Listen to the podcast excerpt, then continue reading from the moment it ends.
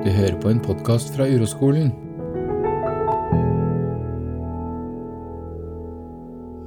Velkommen til Uroskolens podkast. Her i studio sitter Kaspar. Eh, Hei, alle sammen. Det har jeg ikke sagt før.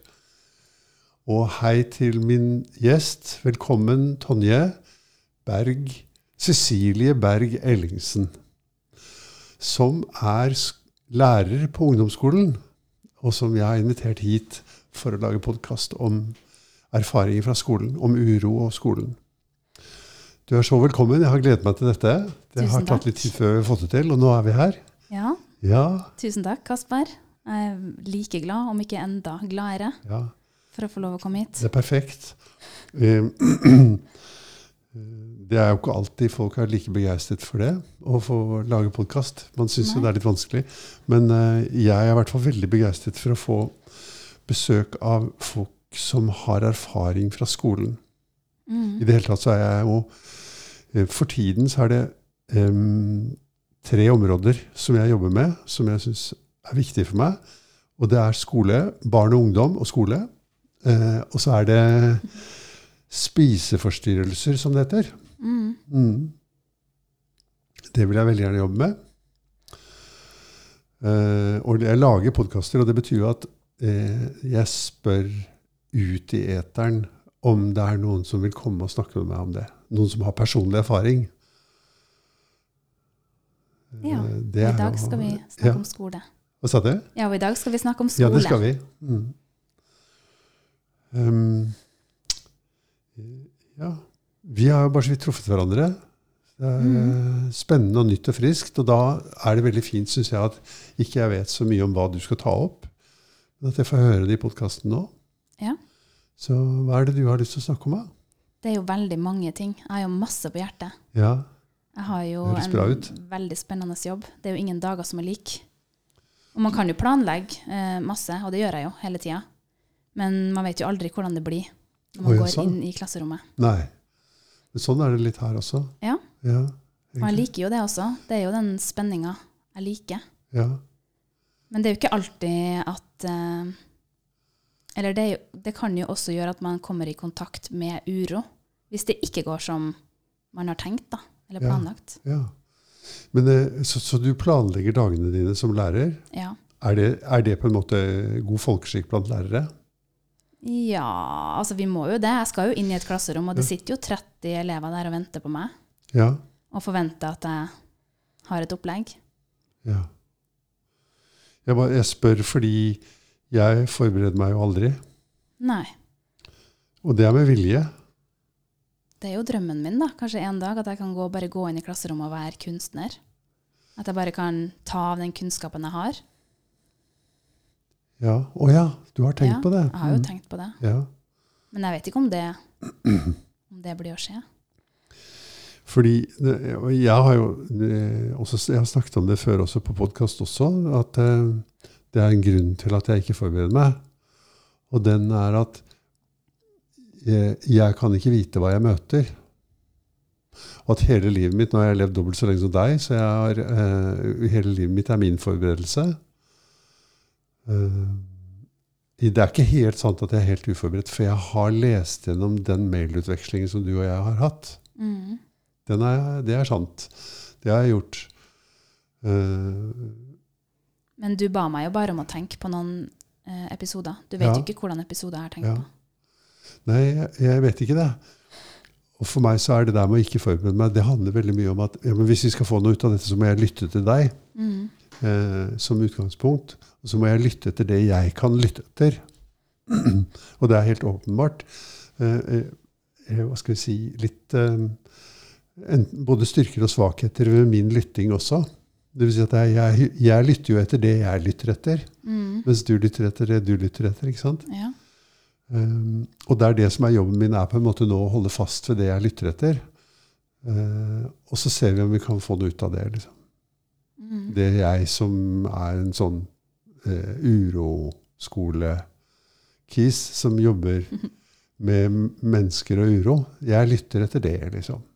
Jeg lytter etter strategiene og hva du gjør for å slippe å føle uro i livet ditt. Og sånn. ja, det er vi veldig glad for. Ja. Sant? Så ja, men fortell meg, da. eh, For du forbereder deg jo, du. Mm, Da. det gjør jeg. Mm. Og jeg bruker masse tid på å forberede meg. Hjemme. Ja, hjemme og på jobb. Ja. Prøve å få gjort mest mulig på jobb, for jeg har jo tre unger når jeg kommer hjem. Og de blir jo bare større og større, så det er ikke så mye igjen av kveld, kvelden, rett og slett, for å sitte og planlegge. Men jeg gjør jo det òg. ja. Men jeg prøver å få gjort mest mulig på jobb. Er det, gjør du det dagen før, da? Ja, altså kontinuerlig, egentlig, gjennom hele Ja. uka. Og søndagene bruker jeg også ganske mye. Gjør du det, ja? Mm. Hvordan er det for deg å ha arbeid liggende som Eller altså forberedelser som du vet du må gjøre? Hvordan er det Har Det skaper stress. Gjør det det? Mm, Ja. Eller, eller uro, som det heter? Ja, jeg kan våkne midt på natta, og så kan jeg få ganske gode ideer faktisk på natta. ja. Som jeg tenker sånn Oi, det her må jeg huske, eller det her må jeg egentlig skrive ned. For det Ja. hadde jeg jo ikke tenkt på. Det er Mm. ganske interessant, akkurat det der. Gjør du det, da? Skriver du det? Ja, jeg kan, jeg kan gjøre det, men jeg kan Ja. velge å tenke sånn Det her må jeg huske. Men da, da er det ikke sikkert at jeg husker det. Nei.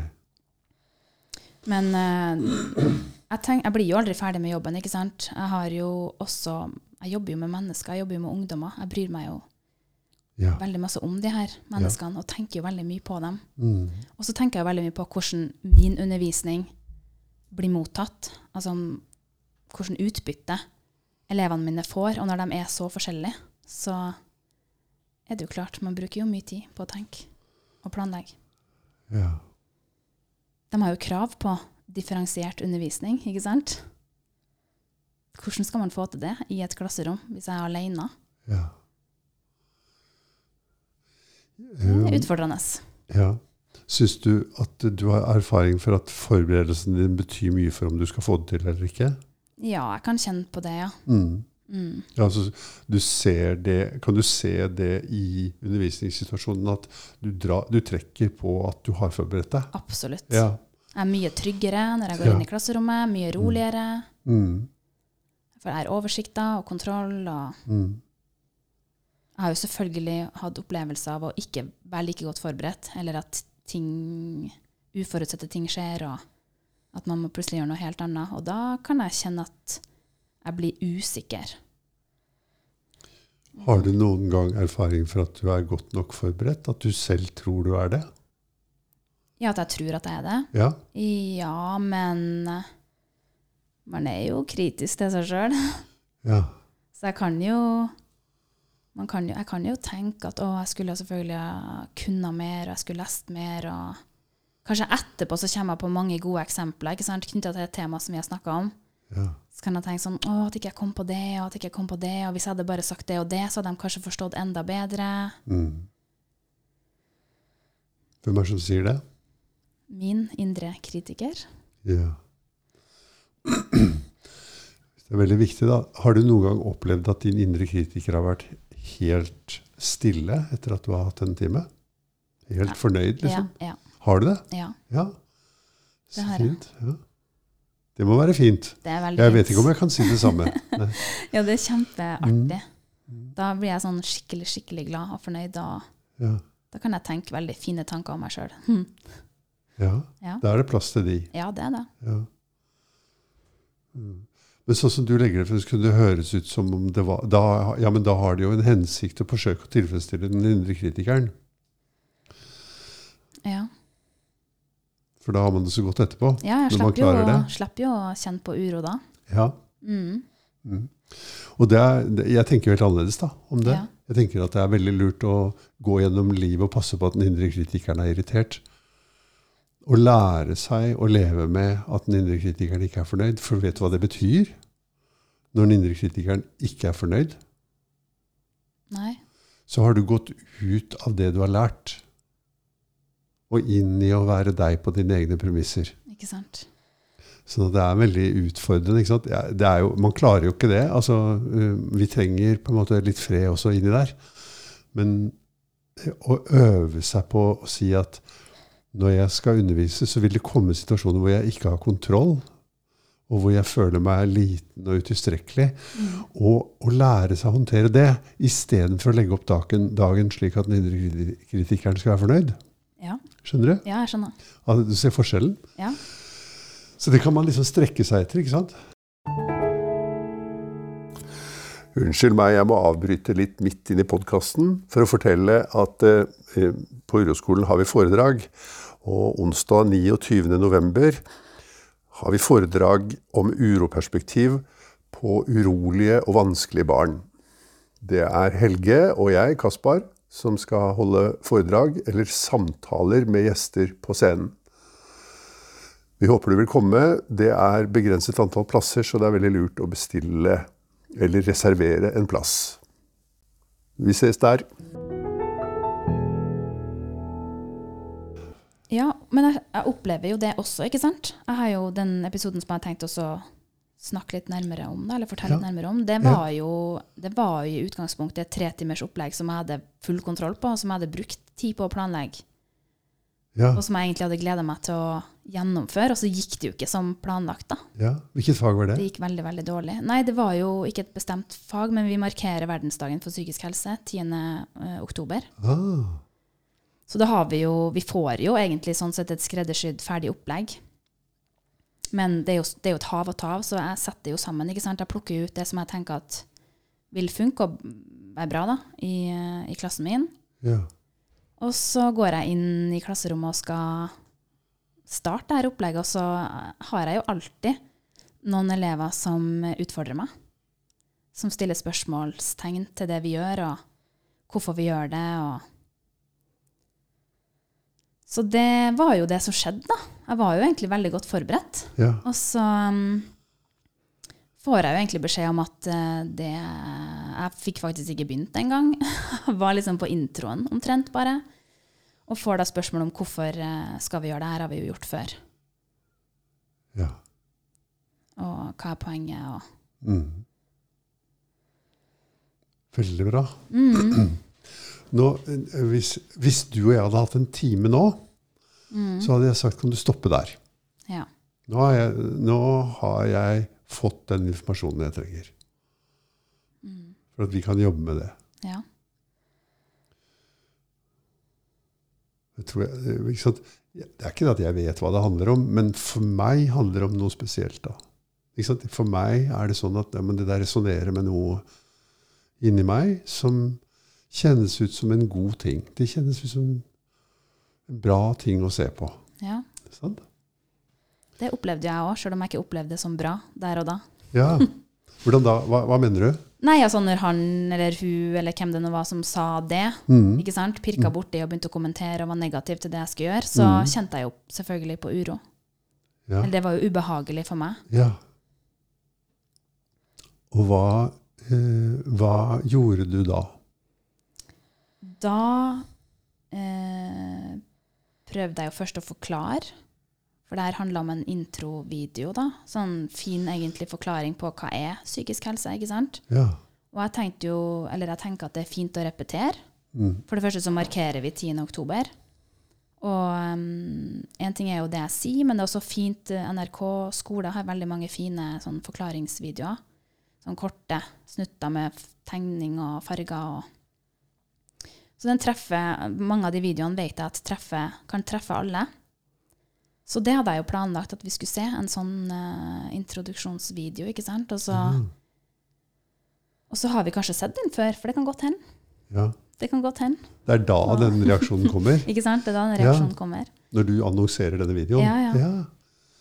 Og uh, Så prøver du å forklare hvorfor allikevel?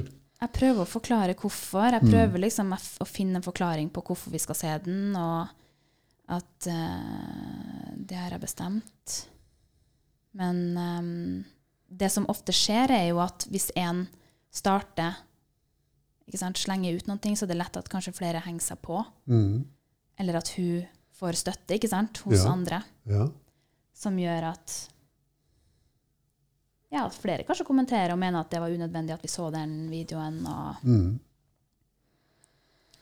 Så, eh, ikke sant. Man kan se det for seg. Mm. Lurveleven av en eller annen, et, et eller annet eh, målbart på Richter-skala. ikke sant? Jo da. Også, men eh, når vi går tilbake til du sier, når hun sier det der sant? Du har lagt planen, og du vil vise Mm. videoen, da, og så, og så får du bakkekontakt. Liksom. Du får liksom, det er noen som eh, eh, hva skal vi si, ja, Du får kontakt med virkeligheten, du. Jeg får kontakt med virkeligheten. Ja. Og Blir innhenta. ja. Og hvor er den virkeligheten hen? Hva tenker du på? Jeg jeg er enig, jeg skjønner godt at du spør. Eh, Den, den ene virkeligheten er jo det du ser der ute. Den personen som reagerer, det barnet eller den ungdommen som reagerer på din, ditt opplegg. Ja. Sant? Og så er det en virkelighet til, og den er virkeligheten der inne. Den er virkeligheten du kommer i kontakt med, som du så vidt nevnte. da. At du kjenner at uroen eh, blir følbar i deg. ja, jeg kjente jo at jeg umiddelbart på en måte Eller jeg fikk en veldig dårlig start da, Ja, på det opplegget. Ja. Som eh, ja, For jeg kjente jo på uro, og, men nå, nå bruker jo jeg urometoden aktivt. ja. Ikke sant? Sånn at det at jeg klarte å stoppe opp der og romme uroen, gjorde jo også at jeg på en måte kanskje ikke gjorde noe dumt, hvis du skjønner hva jeg mener. At jeg liksom ikke svarte, eller at jeg tok noen andre utveier, men at jeg klarte liksom å stoppe litt opp. Og Gjorde du det? ja, jeg gjorde det. Wow. Ja. Ja. Ja. Og da klarte jeg jo også å Nei da, men vi ser nå bare den her, det går nå bra. ja, sånn, ja. Vi ser den her, det tar et par minutter, det klarer Ja. du. Ikke Ja. sant? ja. Så det var en slags parade da fra, ditt, eh, fra din side? Ja. Eh, Men ja. det satte seg jo i rommet, Det funka jo ikke. Nei, det funka ikke, fordi hele opplegget mitt gikk i dass. ja, men det gjorde faktisk det. Og det var veldig mye uro, egentlig, i løpet av den, eh, Herlig. de tre, time, tre, tre Herlig timene. der. fortelling, altså. Men eh, hvis vi nøster tilbake da, og bare ser på hva, hvilke andre muligheter fins her i uroperspektivet, da. Ja. Fordi, for du sier det gikk dårlig. Eller eh, hva- skal jeg si, hele opplegget mitt eh, Jeg husker ikke hvilke ord Hva var det du sa? At det gikk i dass? Ja, det sa du jo til altså, det til slutt. gikk, ja, det gikk ikke som planlagt, da. Det, det gikk ikke som planlagt. Sjøl om jeg hadde planlagt og planlagt. Mm. Men så det som skjedde, den virkeligheten had, som oppsto, den hadde du ikke planlagt for. Nei. Og den virkeligheten var der ute, og den var der inne. Mm. Og så sa de Ville du bli urolig, eller ville du ikke bli urolig? Jeg ville jo ikke bli urolig. Nei. Men hvis du tenkte deg at, at det vi jobber med, det er din vilje til å ta imot virkeligheten slik den er. Nemlig 'jeg blir faktisk urolig nå'. Og det klarer Altså, du er jo et eller annet sted på den utviklingslinjen, ikke sant? akkurat som jeg er på et eller annet sted på den utviklingslinjen, nemlig at jeg registrerer at jeg blir urolig, og kanskje jeg klarer å kjenne den uroen, eller kanskje jeg bare prøver å overvinne den. Mange ganger gjør i hvert fall jeg det. Jeg bare prøver å overvinne den. Ja, eller man havner i et mønster, da. Ja, som man ofte gjør. ikke sant? Ja, ikke sant? Alternativet er jo å bruke uroen. Altså at vi kommer tilbake Å ja. Liksom, hvis vi tenker oss at overfor klassen så sier læreren Jeg kjenner at jeg blir urolig nå når du spør meg om det. Mm. Og så hvis du tenkte at du la på en setning der Og det er jo helt perfekt. Ja.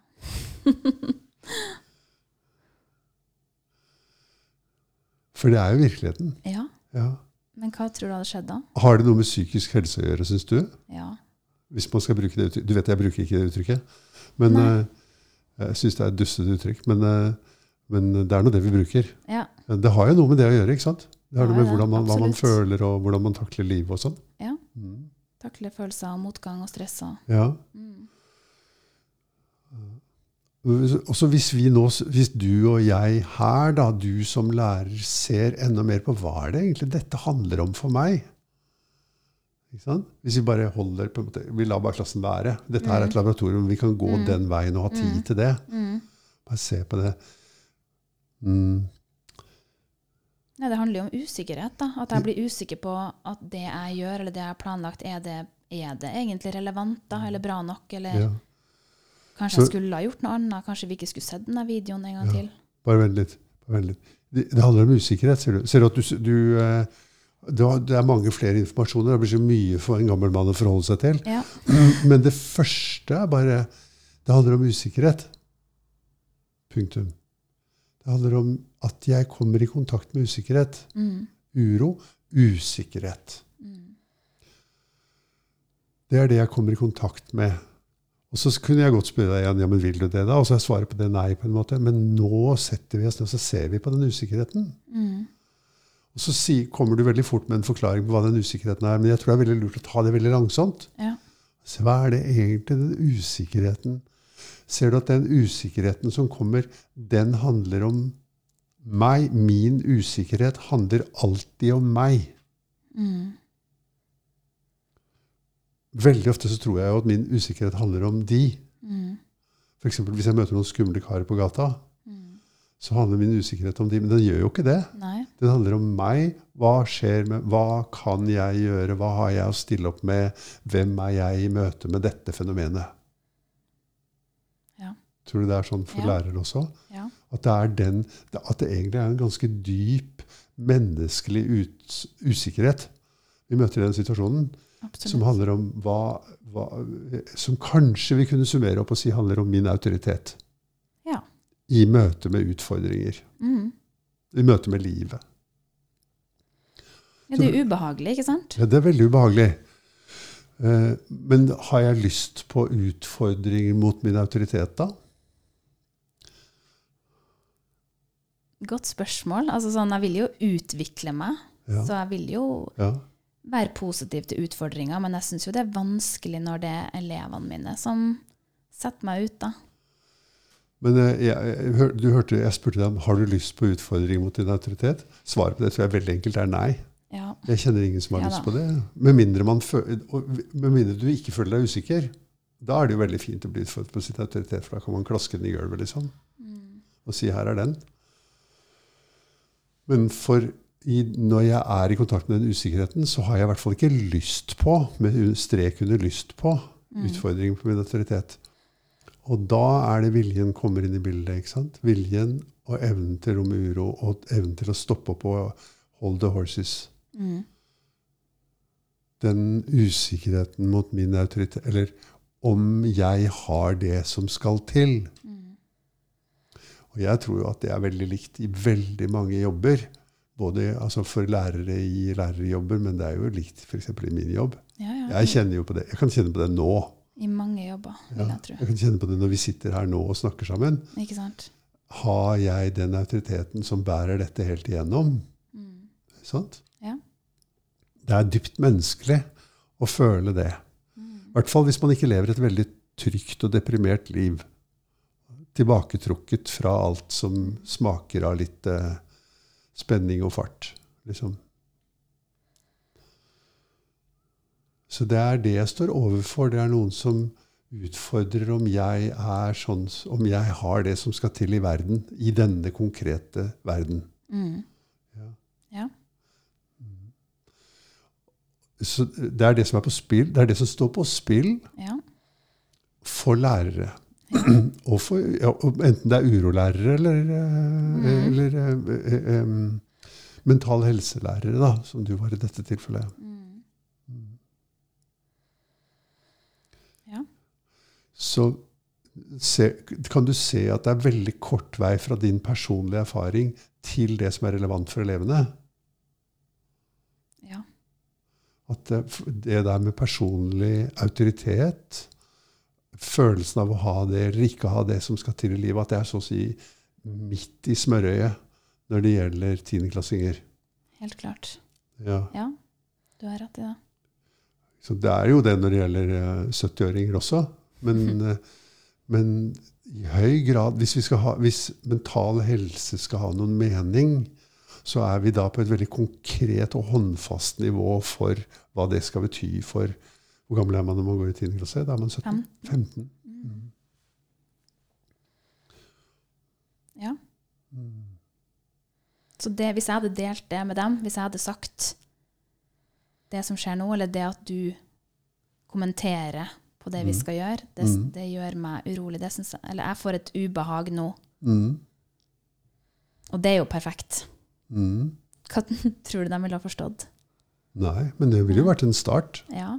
Å la dem forstå noe. Det ville i hvert fall være én ting du ville fått poeng for, og det var at du risikerte noe. Ja, Istedenfor å klynge deg til manus. ikke sant? Da ville du, du hadde jo vært på gyngende grunn der, ikke sant?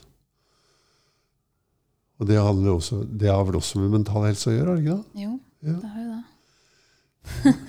Så vi har fått noen gode eksempler. Ja. Um, så, men jeg tror jo at i de samtalen rundt disse tingene så vil det være veldig bra å få elevene engasjert i hvordan de, hva slags følelser er det i dem. Og en veldig god måte for elever å komme i gang med å snakke om hva slags følelser som er i dem, er at lærerne tør å snakke om hva, som følelser, hva slags følelser som er i dem. Og jeg har et veldig godt eksempel på det, som ikke handler om elever og lærere, men det handler om rektorer og lærere.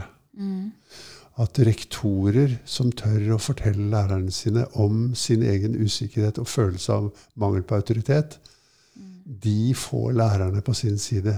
Og, blir, og lærerne blir veldig, veldig glade og eh, myke innvendig og se at rektor er sånn som meg. Ikke sant?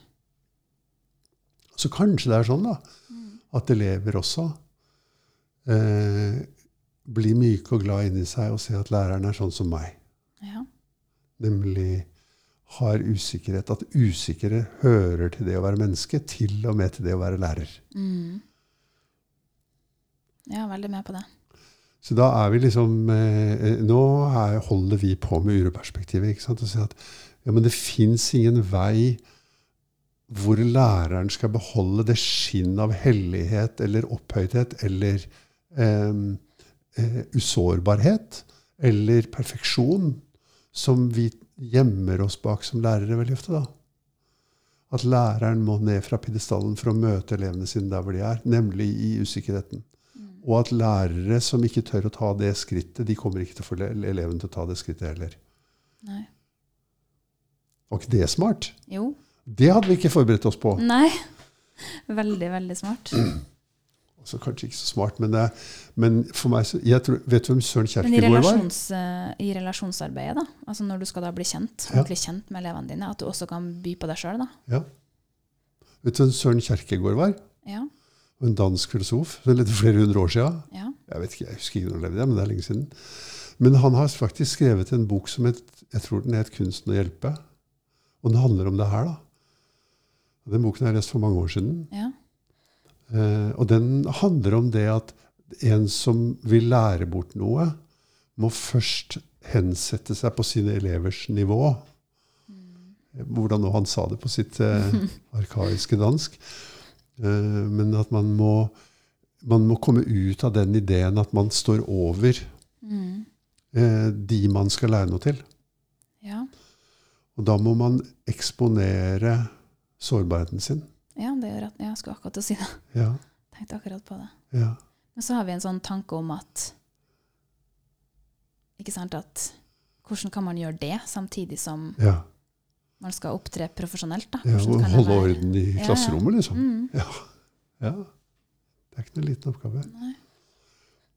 Jeg tror at det, svaret på det, det ligger egentlig i det du og jeg gjør nå, nemlig at lærere må begynne denne jobben et sted hvor de føler seg trygge. Og dette her laboratoriet her, hvis vi tenkte oss at vi hadde sånne laboratorier for lærerne, Mm. og det måtte da være f.eks. i lærerutdanningen, og det måtte være i lærerkollegiet, at man har laboratorier hvor man kan se på slike ting. Nemlig hvordan er det å være meg når jeg blir utfordret på min autoritet. Mm. For det tror jeg dere blir omtrent hver time, omtrent hver dag. Ja, det tror jeg nok. Og av barn som er i puberteten, og som er eh, innmari kine på å kunne få inn en kilevink, liksom. Ja. Mm. Og at kanskje det, at det er en type forberedelse som oppi alle forberedelsene mangler litt. da. Den forberedelsen som er ja, men hvordan skal vi bli i stand til å stå frem i vår sårbarhet overfor elevene, når det vi ønsker oss, er at elevene kommer ut av sine aggressive strategier og inn i sin egen sårbarhet? Ikke sant. Det snakker vi jo ikke om. Kanskje ikke? Ikke enda. Nei. Men for meg er det midt i fatet når det gjelder mental helse. Det er Ja, dette som det er, er mental det. helse. Det er Ja. jo det. Og kanskje ikke så mange fargeplansjer og sånn er så mye med mental helse å gjøre. fordi at mental helse er en veldig ung... altså Hvis man skal bruke det ordet i det hele tatt, så er det en veldig konkret hverdagslig erfaring av mangelfullhet, f.eks. Eller frykt. Eller Ja. usikkerhet, som du sa. Mm. Tilkortkommenhet. Mm. Sånne ting. Mm. Og at det er ikke sånn at eh, godt forberedte lærere ikke har slike følelser. Ikke sant. Vi er jo bare mennesker. Ja, Mm. At det er menneskelig å ha sånne følelser. Mm. Og at vi har dem hele tiden, alle sammen. Og at vi forsøker å komme over dem. ikke sant? Vi kommer, eh, liksom, kommer på oversiden av dem, sånn at vi kan snakke fra oversiden av de følelsene og ned til de som vi skal lære noe til. Mm. Så det er litt av en oppgave. Men jeg syns jo det er veldig spennende. Ja, det er det jo. Jeg føler meg jo veldig heldig, for jeg, jeg, før så var jeg terapeut, og jeg har jo lært at man ikke skal snakke om private ting som terapeut med sine klienter eller pasienter, som det til og med heter. Mens jeg mener jo at det er eh, bare tøv.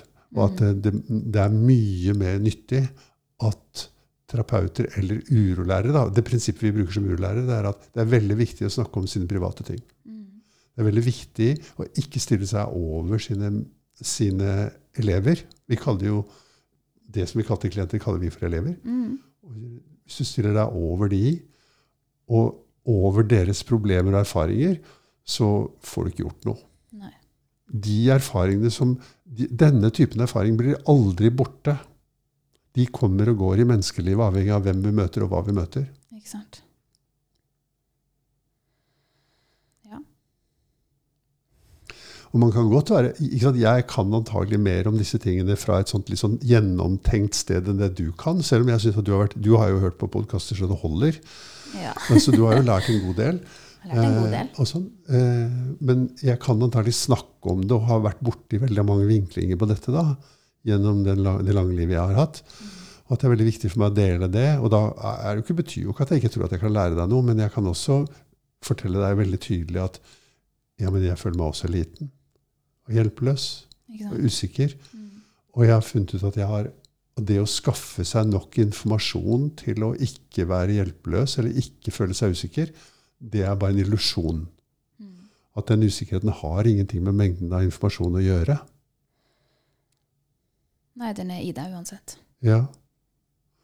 Den er i meg, og den er i deg, og den er i mennesket uansett. Og den vil, den vil vi aktivere i møtet vårt med andre levende mennesker, Mm. selv om vi er imot det. Mm. Mm.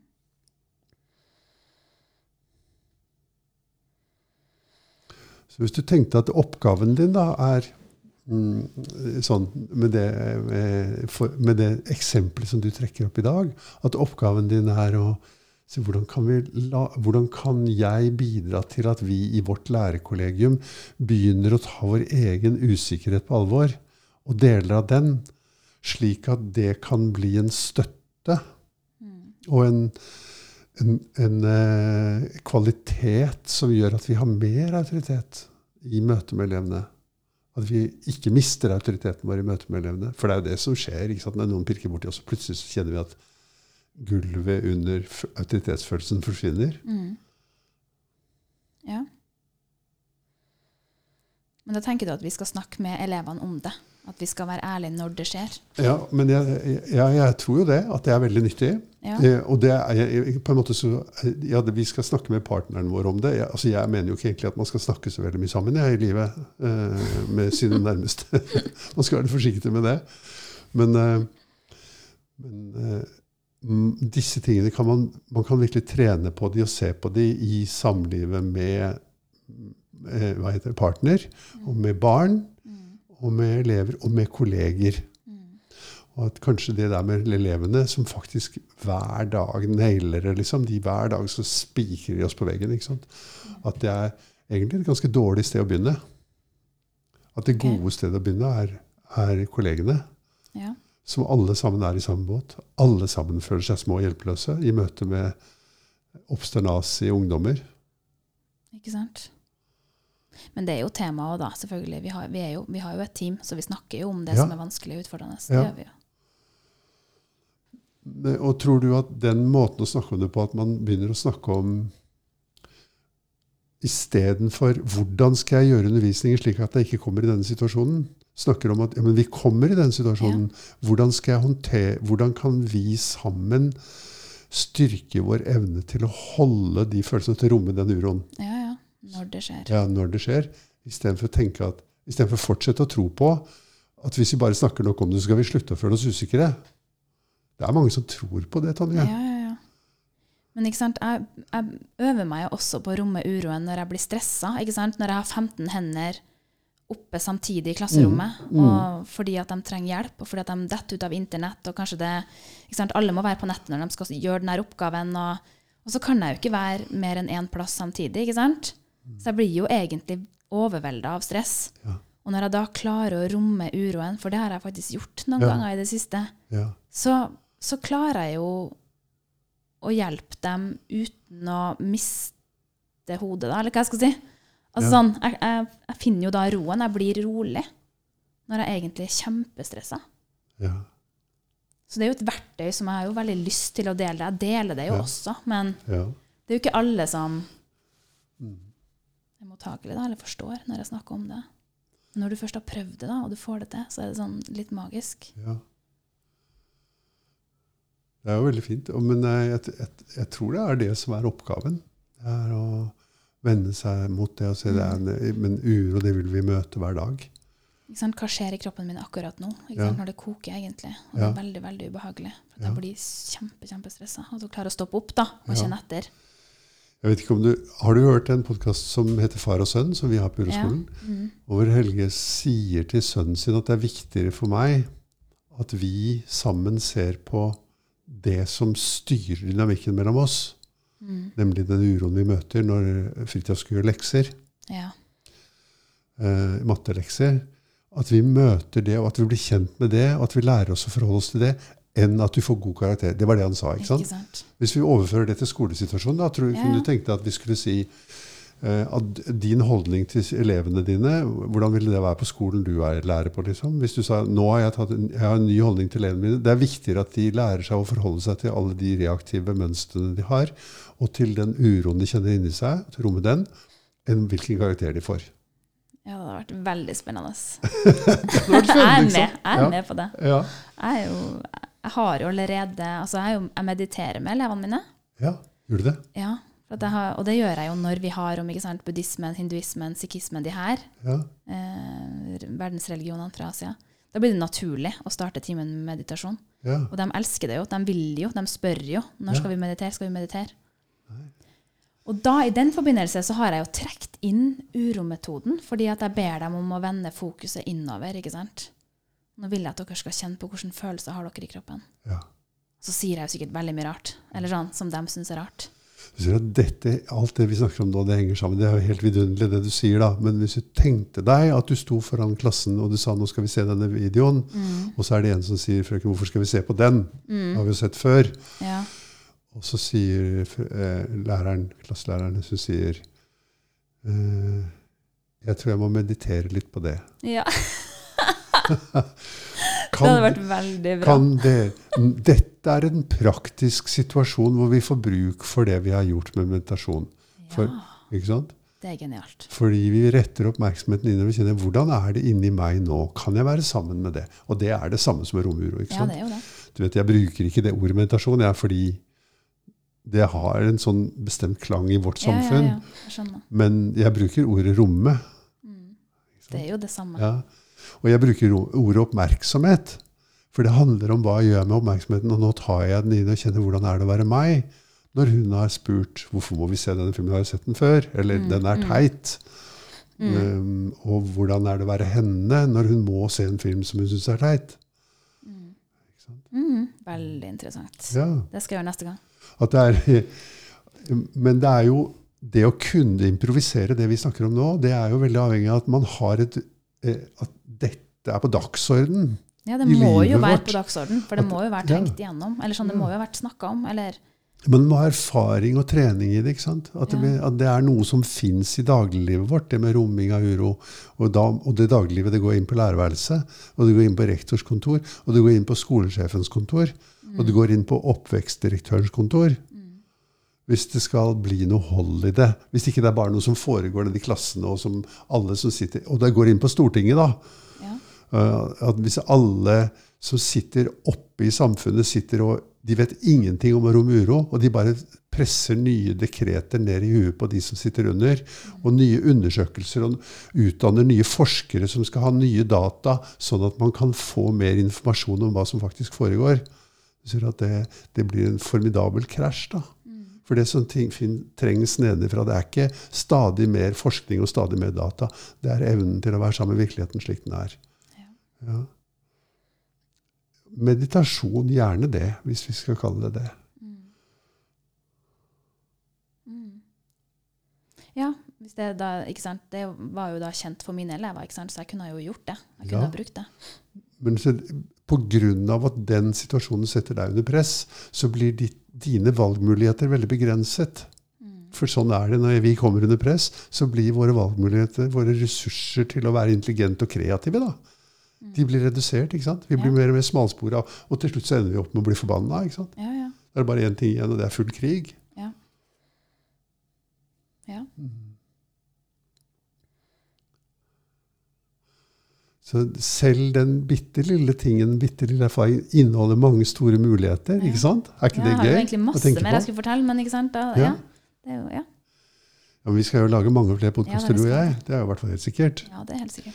Jeg også hadde jeg må fortelle, jeg hadde en lærer på videregående skole. Jeg har ikke noe særlig god erfaring, eller noe særlig gode minner fra videregående skole. jeg. Gymnas het det da jeg gikk der. Men jeg hadde en lærer, han var fransklærer. Og han sa til klassen, og det var en realskole, reallinjeklasse, dvs. Si matematikk og fysikk og sånn.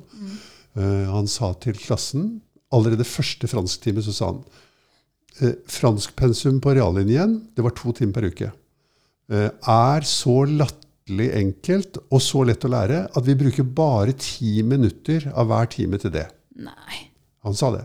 Han sa det. det jeg gidder ikke bruke mer tid, sa han. Så resten av tiden kan vi gjøre det vi har lyst til. Og vet du hva, vet du hva vi lærte av han? Nei. Vi lærte altså nasjonalsangen til mange land. F.eks. russisk nasjonalsangen på russisk. Vi lærte den pakistanske nasjonalsangen på pakistansk. Nei. Jo, det er helt sant. Vi lagde og Han var jo fransklærer som var opptatt av fransk kultur. og sånn. Vi lagde fransk mat i klasserommet er med de sparsomme hjelpemidlene som var i Asker på, 19, eh, på slutten av 60-tallet. For en fantastisk lærer. Ja, Vi hadde jo så. Alle elsket jo fransktimene. Og alle lærte fransk. Det som var nødvendig. Ja, det er jo helt fantastisk. Mm. Men jeg tror jo det er sant, da. At, og at han, han På en eller annen måte så det han står for en sånn real eh, Sikkert som han sikkert erfart at de er jo ikke noe interessert i fransk, de bare tar det fordi de må, må ta det. Eh, så, men han, han var helt urokkelig. ikke sant? Han, han, ville, han var der for å ha det moro. Han. Mm. han hadde humor, han hadde lekenhet, han hadde musikalitet, han hadde kreativitet. Tilgang på det. Men dere følte ikke noe press da, når han sa at det her var så lett? Jeg kan ikke huske sånn i det hele tatt. Jeg, derimot så kan jeg huske at det var lett å lære fransk. Og vi, Ja. Så da sang vi mange franske sanger. Det gjorde vi i hvert fall i, i språkundervisning på den tiden. Vi sang Ja, sanger på originalspråket. Ja. Og det lærte man jo også fransk av. ja, ja. Ja. Så lurt. Så, så vi gjennom å eh, eh, Hvis vi kan Altså, det fins så veldig mange muligheter. ikke sant? Hvis vi ikke er så redde, for når vi er redde så er vi, og usikre, så blir mulighetene begrensa. Mm. Og vi kan ikke bestemme oss for ikke å være redde. Vi har ikke noe valg. Vi må lære oss å håndtere frykten. Mm.